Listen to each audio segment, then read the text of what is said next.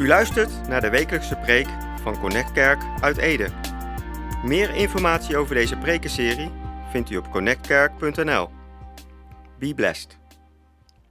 Eh, mijn naam is Oscar, ik had me nog niet voorgesteld. Ik ben eh, voorganger hier, een van de leiders van Connect Kerk. En eh, ik vind het leuk en fijn en mooi om vandaag verder te mogen gaan met het thema waar we mee bezig zijn. Kerk met passie. En dat past helemaal binnen ons jaarthema. Zoveel mogelijk werken met een jaarthema. We, hebben, we geloven dat God tot ons gesproken heeft. Dat hij heeft gezegd, hey, dit jaar is dit belangrijk. En dat kun je hier op de banner zien staan. Johannes 15 over de wijnstok en de ranken.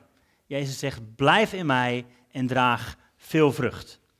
Nou weet ik helemaal niet zoveel van uh, wijnstokken en ranken. Ik heb pas wel de druif gesnoeid. Eerlijke druivensap. Maar je bent of in of je bent uit. Als je een druif bent. Je bent of in de wijnstok of je bent uit de wijnstok.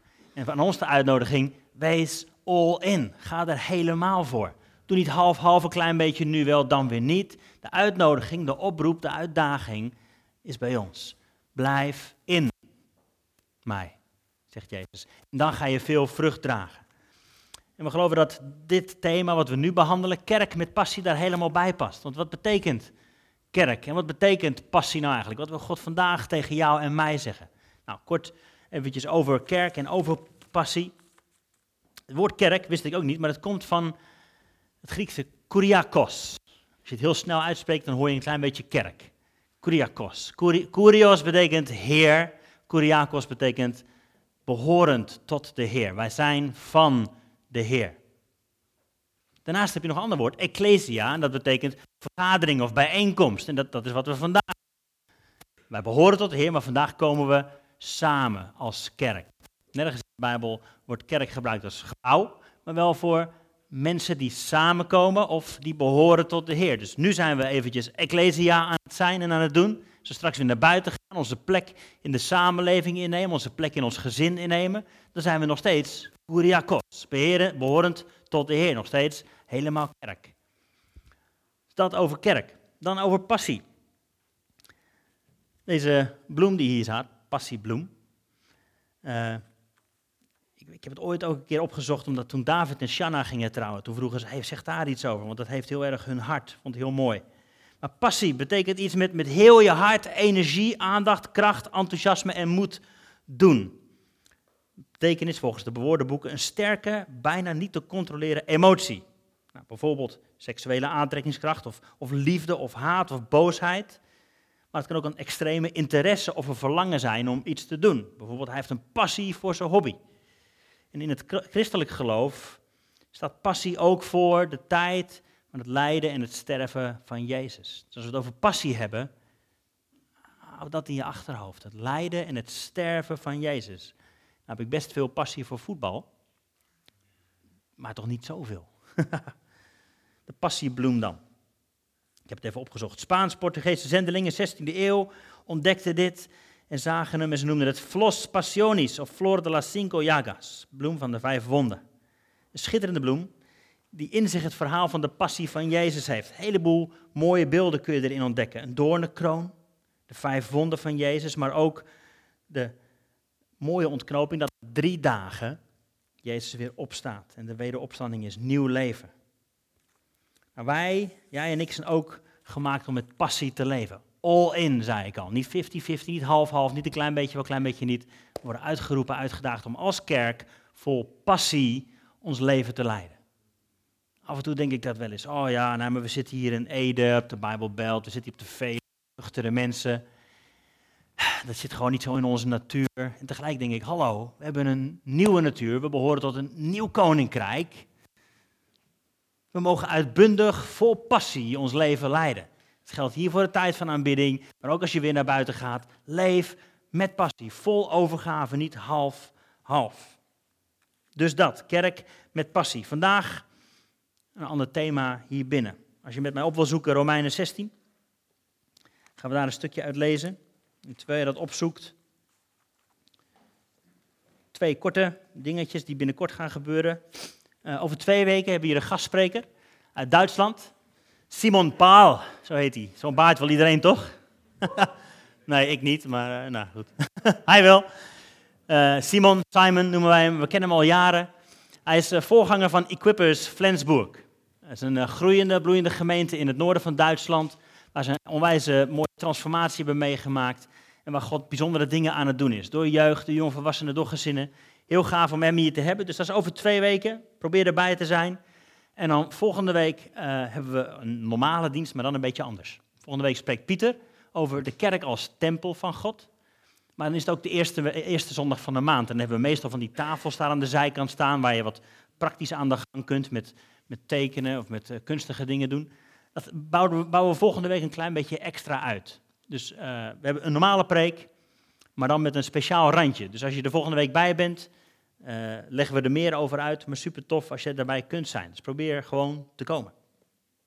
Hey, Romeinen 16, vers 19 en 20.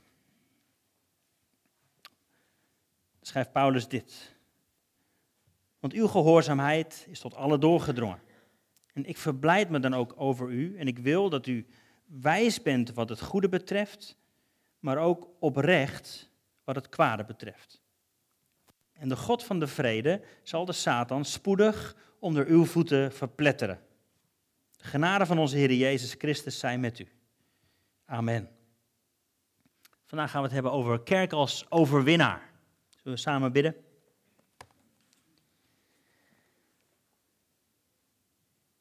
Jezus, dank u wel dat we hier in vrijheid mogen samenkomen om u te aanbidden, om de Bijbel te openen, om meer te leren van wie u bent, om, om samen te ontdekken uw goedheid, uw genade, uw waarheid, hoe u ook vandaag ons nog wil vrijmaken.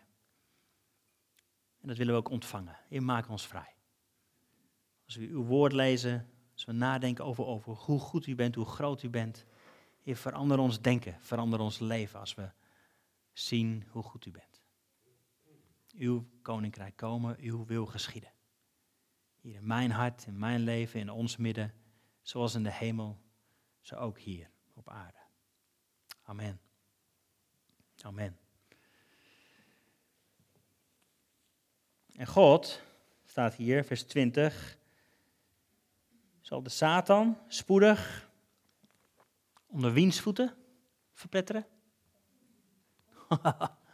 onder uw voeten. Onder jouw voeten. Onder mijn voeten. Kijk even goed naar je voeten. Allemaal. Je hebt ze meegenomen vandaag, je bent hier gekomen. Dit zijn de voeten waaronder God, de Satan, zal verpletteren. Was over nagedacht?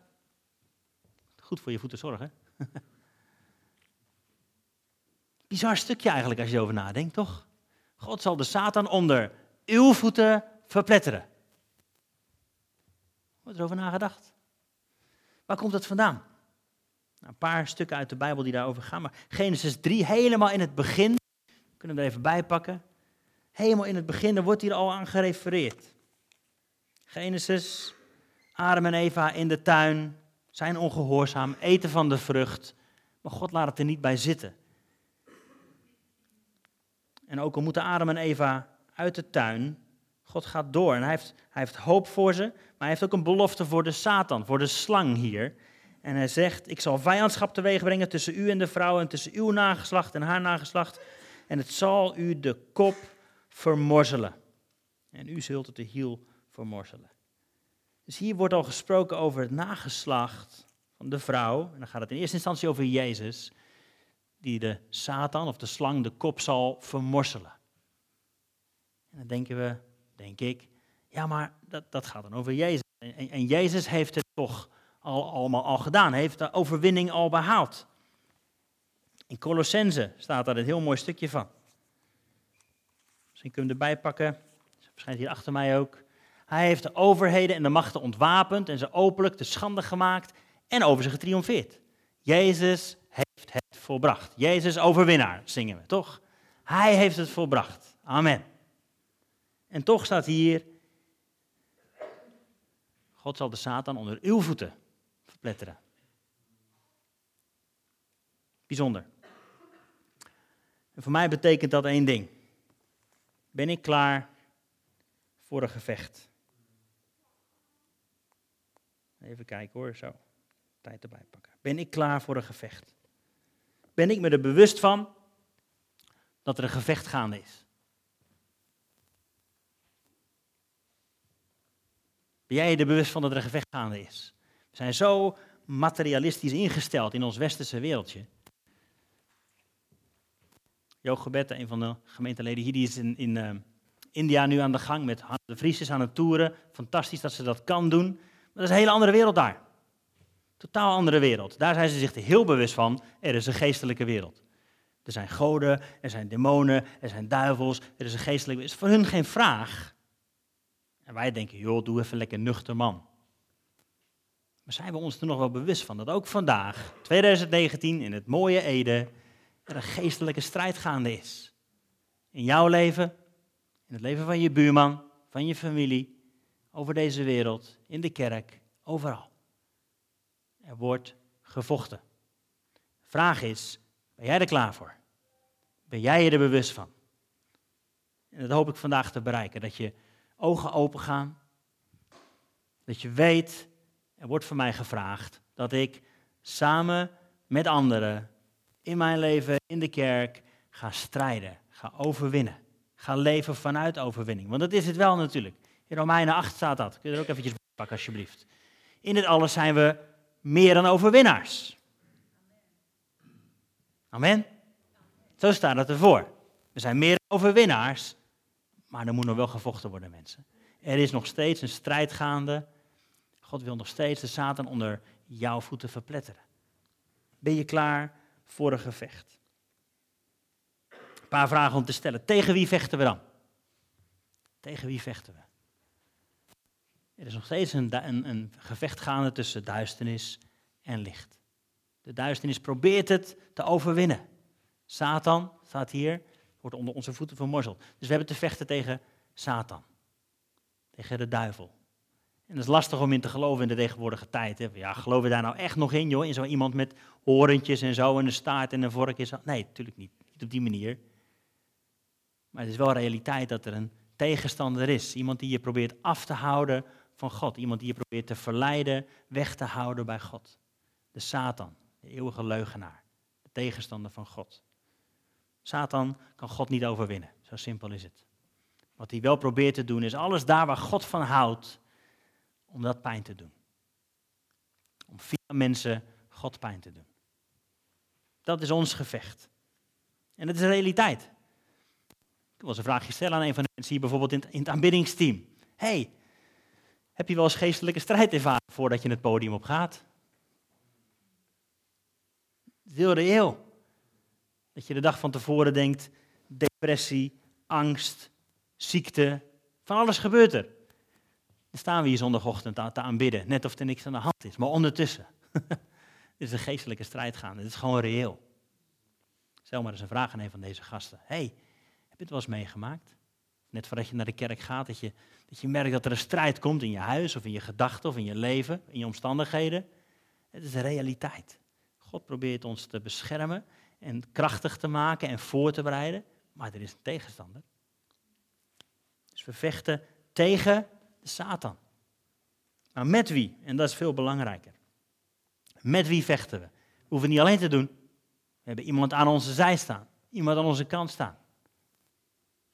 Wanneer we gestorven zijn en opgestaan zijn met Jezus, zijn we van Hem. Ben je gestorven en opgestaan in een nieuw leven met Hem? Dan staat hij aan je kant. Hij is voor je, hij is met je. En er is niets wat je kan scheiden van zijn liefde. Amen. Ben je gestorven en opgestaan met Hem? Het is volbracht. Dat is belangrijk om te weten. Als je weet, we vechten tegen iemand en je kunt je heel erg gaan focussen op de tegenstander. En er zijn ook allemaal boeken over, geloof ik, over alle valstrikken van de duivel. Je kunt ze allemaal lezen, maar het is belangrijk om te weten wie staat er aan mijn kant. Is volbracht. Jezus riep het al uit aan het kruis. Het is volbracht. Alles wat nodig was, is gedaan door Hem. Het is volbracht. We vechten dus vanuit een plek van overwinning. Laatst we net Romeinen 8, meer dan overwinnaars. Maar, en dat vind ik altijd wel onnuchterend om te bedenken, je kunt onze reis ook vergelijken met dat volk van Israël, wat bevrijd was uit Egypte. Ze waren verlost. En God wilde ze leiden naar een nieuw land. Maar hoeveel van die, mensen schatten ongeveer een miljoen, hebben uiteindelijk dat nieuwe land bereikt? Niet zo heel veel. Jozua, Caleb. Oef. Ze waren allemaal verlost, maar hoeveel hebben nou echt dat beloofde land bereikt? Hoeveel hebben echt die strijd overwonnen? Hebben hun hart puur gehouden? Hun oog op God gericht gehouden? Ai. Voor ons mag dat een beetje wakker worden of zo zijn. Als je, als je die zulke verhalen leest. Hey, hoe zit het met mijn leven? Ik, ik ben verlost en bevrijd. Dat geloven we zijn uit Egypte getrokken. Uit de macht van de duisternis. En we zijn nu aan het wandelen naar dat nieuwe land. Maar ben jij als een Jozua, als een Caleb, hou jij je hart op orde? Ben jij klaar voor de strijd als die komt? Of ga je, net zoals dat volk deed, kijken naar alles wat nu niet meer is en we willen terug naar de vleespotten van Egypte? Hoe werkt dat in jouw leven? Hoe werkt dat bij mij, ons als kerk, ons als lichaam van Christus?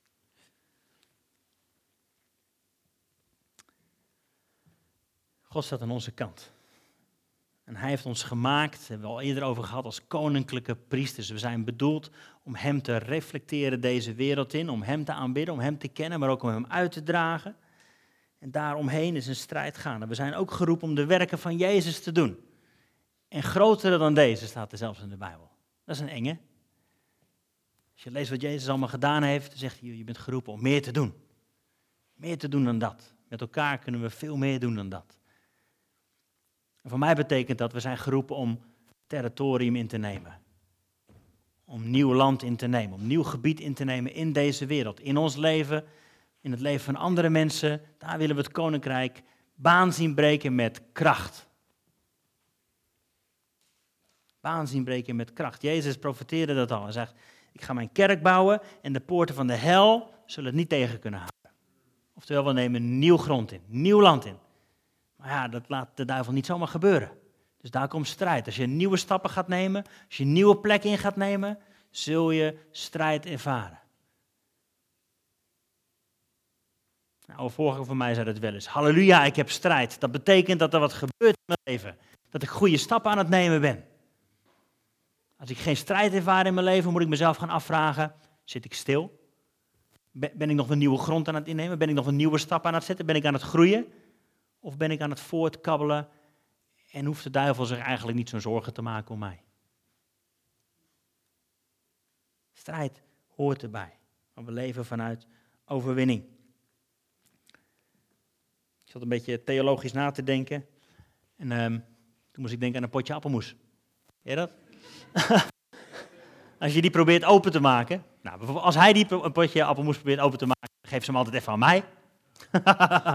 Of van Tessa trouwens, die is ook heel sterk. En dan doe je hem open en, en dan geef je hem terug en dan mogen zij het laatste zetje doen. Ken je dat? Dat doe je bij kinderen toch? Even bijna openmaken en dan mag je het laten. Zo werkt het ook bij God wil de duivel onder onze voeten verpletteren. Hij is al opengemaakt. Maar onder onze voeten maken we het werk af. Er is nog steeds werk te doen. En we roepen het is volbracht. En Jezus heeft alles gedaan wat nodig is. Maar ik las dat pas ergens. Weet je dat, dat Jezus nooit een einde heeft gemaakt aan het instituut slavernij? Dat hebben zijn volgelingen gedaan. Ja, het was volbracht, maar er was nog een heel werk te doen. En nog steeds een heel werk te doen. Pas jaren later kwamen christenen erachter zeiden, omdat Jezus dat gezegd heeft, moeten we dit eigenlijk anders doen. Door christenen is uiteindelijk het hele idee slavernij afgeschaft, aan de kant gezet. We zijn allemaal mensen waardevol in Gods ogen. Denk op die manier, als er staat, Jezus heeft alles volbracht en er is overwinning, maar dat moet nog wel uitgewerkt worden op heel veel gebieden in dit leven, op deze aarde. Er is taak te volbrengen door ons. Dus we vechten tegen de Satan, de tegenstander van God, maar we vechten met God aan onze kant. In Hem zijn we meer dan overwinnaars. En niets kan ons scheiden van zijn liefde. Maar hoe vechten we? Romeinen 16. Gaan we eventjes naar terug. Vers 19, daar staat dit. Ik wil dat u wijs bent wat het goede betreft, maar ook oprecht wat het kwade betreft. En daarna komt, en de God van vrede zal Satan verpletteren onder uw voeten. Maar even dit stukje, dit is onze manier van vechten, onder andere. Wijs wat het goede betreft en oprecht wat het kwade betreft. Ik heb die twee woorden er even bijgepakt, wijs en oprecht. Wijs, sophos in het Grieks, dat is Je bent er een expert in. Je bent getraind in het goede. Trainen doet pijn. Toch? Was in de sportschool geweest, hardlopen, alles. is veel oefenen, telkens je grenzen een beetje verleggen, het doet pijn. Maar daardoor word je sterker. Ik wil dat je getraind bent in het goede. Oftewel, anders gaan denken. Wat is goed? Daar moet je je op trainen. Het gaat niet zomaar anders. We moeten echt weer leren wat zegt God over wat goed is. Niet over onze cultuur, niet over de Nederlandse maatstaven. Totaal anders dan het koninkrijk van God. Ik wil dat je getraind bent in dat wat goed is. En oprecht wordt hier vertaald akeraios, dat betekent onschuldig of puur. Ik wil dat je gewoon onschuldig bent wat betreft dat wat slecht is. Dat het gewoon vreemd voor je is om te roddelen. Dat het gewoon vreemd voor je is om, om te liegen. Dat doe je toch niet? Dat het gewoon vreemd voor je is om op anderen neer te kijken. Dat past toch helemaal niet? Dat je daar onschuldig in wordt. Dat je puur van hart wordt. Daar ben je voor geroepen. Dat zijn onze wapens. Dat is hoe we vechten en dat is hoe we nieuwe grond innemen. Door wijs te worden in het goede en onschuldig en puur in het kwade. Kors had het pas over een reis van discipelschap en dat is het ook. Je bent nooit af. Je gaat telkens weer anders denken, anders gedragen, anders voelen misschien en misschien ook niet. Misschien is je gevoel weer heel traag. Dat is nooit een maatstaf. Het is een reis, verandering op verandering staat in de Bijbel dat als we Hem aanschouwen, worden we veranderd naar Zijn beeld en we worden veranderd van heerlijkheid tot heerlijkheid. Het is een reis. Fantastisch dat je vandaag deze stap hebt genomen. Je bent niet meer waar je was, maar je bent ook nog niet waar je moet zijn. Het is een reis. En telkens weer stappen in het anders gaan denken, anders gaan leven. Dat is een van onze wapens. En dan misschien wat meer bekend Efeze 6, misschien kun je die erbij pakken. Er staat nog een andere lijst met wapens. Efeze 6. Wordt ook gerefereerd aan een strijd. Verder, mijn broeders, wordt gesterkt in de Heer en in de sterkte van zijn macht. Het staat niet, goed je best doen en succes ermee. Nee, nee, nee. Jezus is naast je, is met je. Wordt gesterkt in de Heer. Niet in je eigen kracht, maar in de Heer en in de sterkte van zijn macht. Hij is de bron waaruit we mogen putten. Johannes 15 ook weer. Blijf in hem. Bekleed u met de hele wapenrusting van God, opdat u kunt standhouden tegen de listige verleidingen van de duivel. En er staat hier, want we hebben de strijd niet tegen vlees en bloed, maar tegen de overheden, machten, wereldbeheersers van de duisternis van dit tijdperk, tegen de geestelijke machten van het kwaad in de hemelse gewesten die persoon waar je ruzie mee hebt, dat is het probleem niet. Jouw irritante buurman is het probleem niet. Je lastige man of vrouw of vriend of kind, dat is het probleem niet. We hebben niet te strijden tegen vlees en bloed. Er zit een wereld achter. Hier overheden, machten, wereldbeheersers van de duisternis van het tijdperk. Tegen de geestelijke machten van het kwaad in de hemelse gewesten. Neem daarom de hele wapenrusting van God aan, opdat u weerstand kunt bieden op de dag van het kwaad en na alles gedaan te hebben, stand kunt houden. God wil ons toerusten. Ja, we hebben te strijden tegen iemand, maar er staat iemand aan onze kant en dit zijn de wapens die God je wil aanreiken. Ik zei het al. Wees onschuldig wat het kwade betreft, een expert in het goede, ga anders denken. Maar hier zegt Jezus dit: hou stand uw middel om God met waarheid. Waarheid is nooit onze tegenstander. Waarheid is een middel om God met waarheid. Dat is een wapen. Jezus is de waarheid. Het woord van God is de waarheid. Je gevoel is niet per se de waarheid. De mening van al die andere mensen is niet per se de waarheid. Leer jezelf daarin te trainen. Hoe kan ik denken zoals Jezus denkt? Hoe kan ik mijn leven in overeenstemming laten zijn met Zijn waarheid? Wees bekleed met het borstharnas van gerechtigheid. Ik ga niet heel diep op deze dingen in. Wel tof om daar eens over na te denken. Of in je kleine groep, of met elkaar. Wat betekent deze wapenrusting nou voor mij? Hoe, doe ik dit praktisch, mijn middel omgorden met waarheid? Hoe doe ik dit? Mijn, het borstharnas van gerechtigheid, wat betekent dat? Mag ik je die vraag meegeven? Ga daarmee aan de gang. Laat je voeten geschoeid zijn met de bereidheid van het evangelie van de vrede. Schijnbaar ook deel van je wapenrusting. Ben je bereid om te getuigen van het evangelie van de vrede? Neem bovenal het schild van het geloof op, waarmee u alle vurige pijlen van de boze zult kunnen uitblussen. Neem de helm van de zaligheid en het zwaard van de geest, dat is Gods woord. Dit is de wapenrusting die God aan jou en mij wil geven. Terwijl u bij elke gelegenheid met alle gebed en smeking bidt in de geest.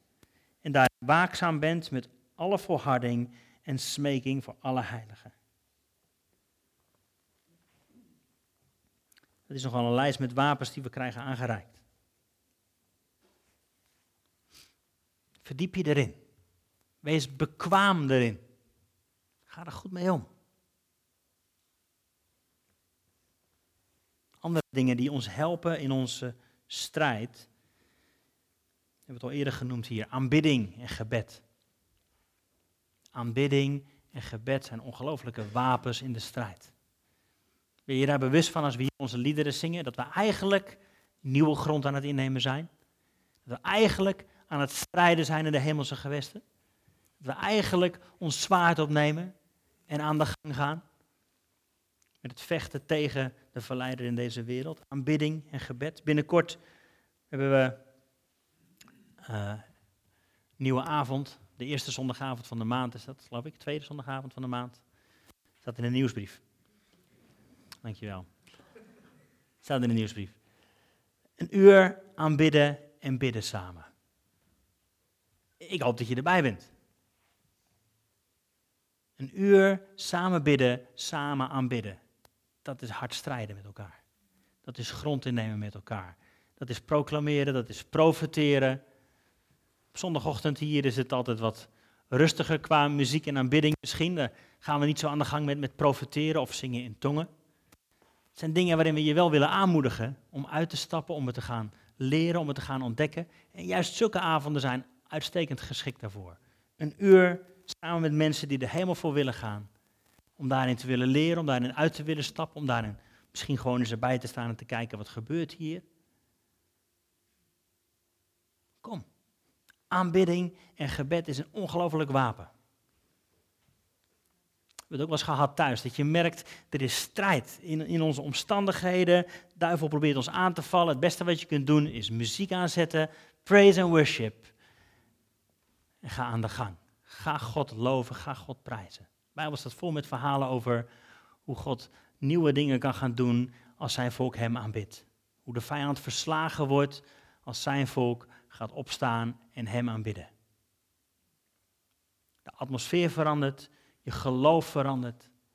Je kunt nieuwe plek innemen. Aanbidding en gebed. Ongelooflijke wapens. In februari hebben we altijd een maand van vasten. February fast noemen we dat. Ook een wapen. Het is een van die verhalen in het Nieuwe Testament waarin, waarin Jezus uitlegt aan zijn discipelen. Dit, dit type geest kan niet uitgedreven worden dan door bidden en vasten. Vasten is ongelooflijk krachtig. Als je overwinning wilt behalen, als je merkt dat er strijd is, probeer het. En dan, ook superbelangrijk, één wapen is eenheid. Is samen zijn. Daarom is dit belangrijk.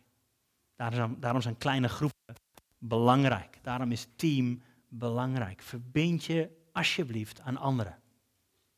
Doe het niet alleen. Maak er geen gewoonte van om te zeggen, nou, deze zondag even niet. Ja, de klok werd verzet, een beetje lasten. Nee, kom op. Train je erin om ook daarin trouw te zijn. Train je erin om je toe te wijden. Het wordt zo makkelijk van je afgenomen. Als je één, twee keer, nou, eh, misschien, uh, kom op. Ik wil het niet zwaarder maken dan het is, maar probeer daar wel een stukje van geestelijke strijd in te herkennen, alsjeblieft. Dus het eerste wat, wat Satan doet, is je, je afzonderen, je alleen laten voelen. Ah, je hoort er eigenlijk toch niet helemaal bij. Ah, je moet het uiteindelijk toch alleen doen. Nee, nee, kom op. We zijn aan elkaar gegeven. Samen is krachtig. Een paar praktische dingen dan, als we gaan afsluiten. En zo tijd nemen om samen te aanbidden. En ook op die manier te strijden met elkaar, voor elkaar. Een paar praktische dingen. Jij zit in een strijd. Of je het nou door hebt of niet. Jij bent nieuwe grond aan het innemen. Jij bent nieuwe dingen aan het doen. En de duivel heeft er een hekel aan. Het feit dat je hier zit en dat het voor jou normaal is om naar de kerk te gaan, betekent dat er een strijd is. Je bent een target voor de duivel. Wees je er bewust van. En wees je er bewust van wie er aan jouw kant staat en welke wapens je hebt. Maar wees je er bewust van. Geldt ook voor je buurman, voor je buurvrouw, voor je man, vrouw, vrienden. Iedereen heeft zijn eigen strijd. Wees daarom lief voor elkaar. Oké? Heb genade naar elkaar. Ga niet oordelen.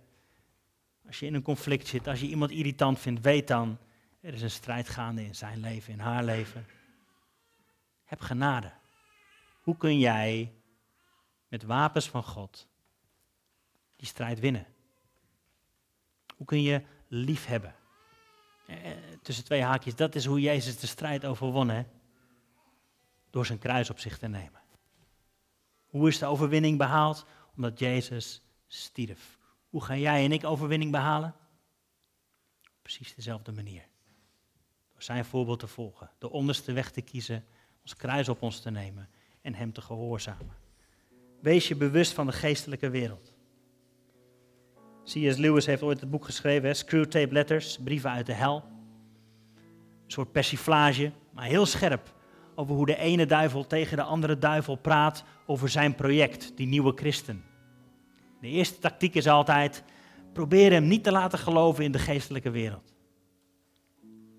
Dus wij draaien het om. Wees je er bewust van. Maak het niet groter, ga je niet alleen maar focussen op de duivel. Nee, nee. Blijf naast Jezus lopen, maar wees je bewust van de geestelijke wereld. Leef vanuit overwinning. Ook al veranderen situaties soms niet. Jezus heeft nog steeds overwonnen. En als laatste, wees sterk en vol goede moed. Wees sterk en vol goede moed. Dat is wat Mozes tegen Jozua zei. Jozua, het is jouw taak nu om het volk mee te nemen het beloofde land in. Wees sterk en vol goede moed. Het volk zei dat tegen Jozua. Jozua, we gaan achter je aan het beloofde land in, maar wees sterk en vol goede moed. En God zei het ook tegen Jozua. Jozua, een paar keer zelfs. Wees sterk. Vol goede moed. Weet je waarom hij dat kon zeggen? Omdat hij zei, zoals ik met Mozes was, zo ben ik ook met jou. Omdat zoals ik met Mozes was, in al die wonderen en tekenen, in het bevrijden uit Egypte, en in de woestijn alle voorziening, zoals ik met Mozes was, zo ben ik ook met jou. Zo is God ook met jou en mij. En daarom wees sterk en vol goede moed. We zijn niet alleen. We lopen met onze grote vader naast ons. De leeuw van Juda die de overwinning behaald heeft. En daarom wees sterk en vol goede moed. En neem nieuwe grond in. Zet stappen. Laat je denken hervormen, veranderen.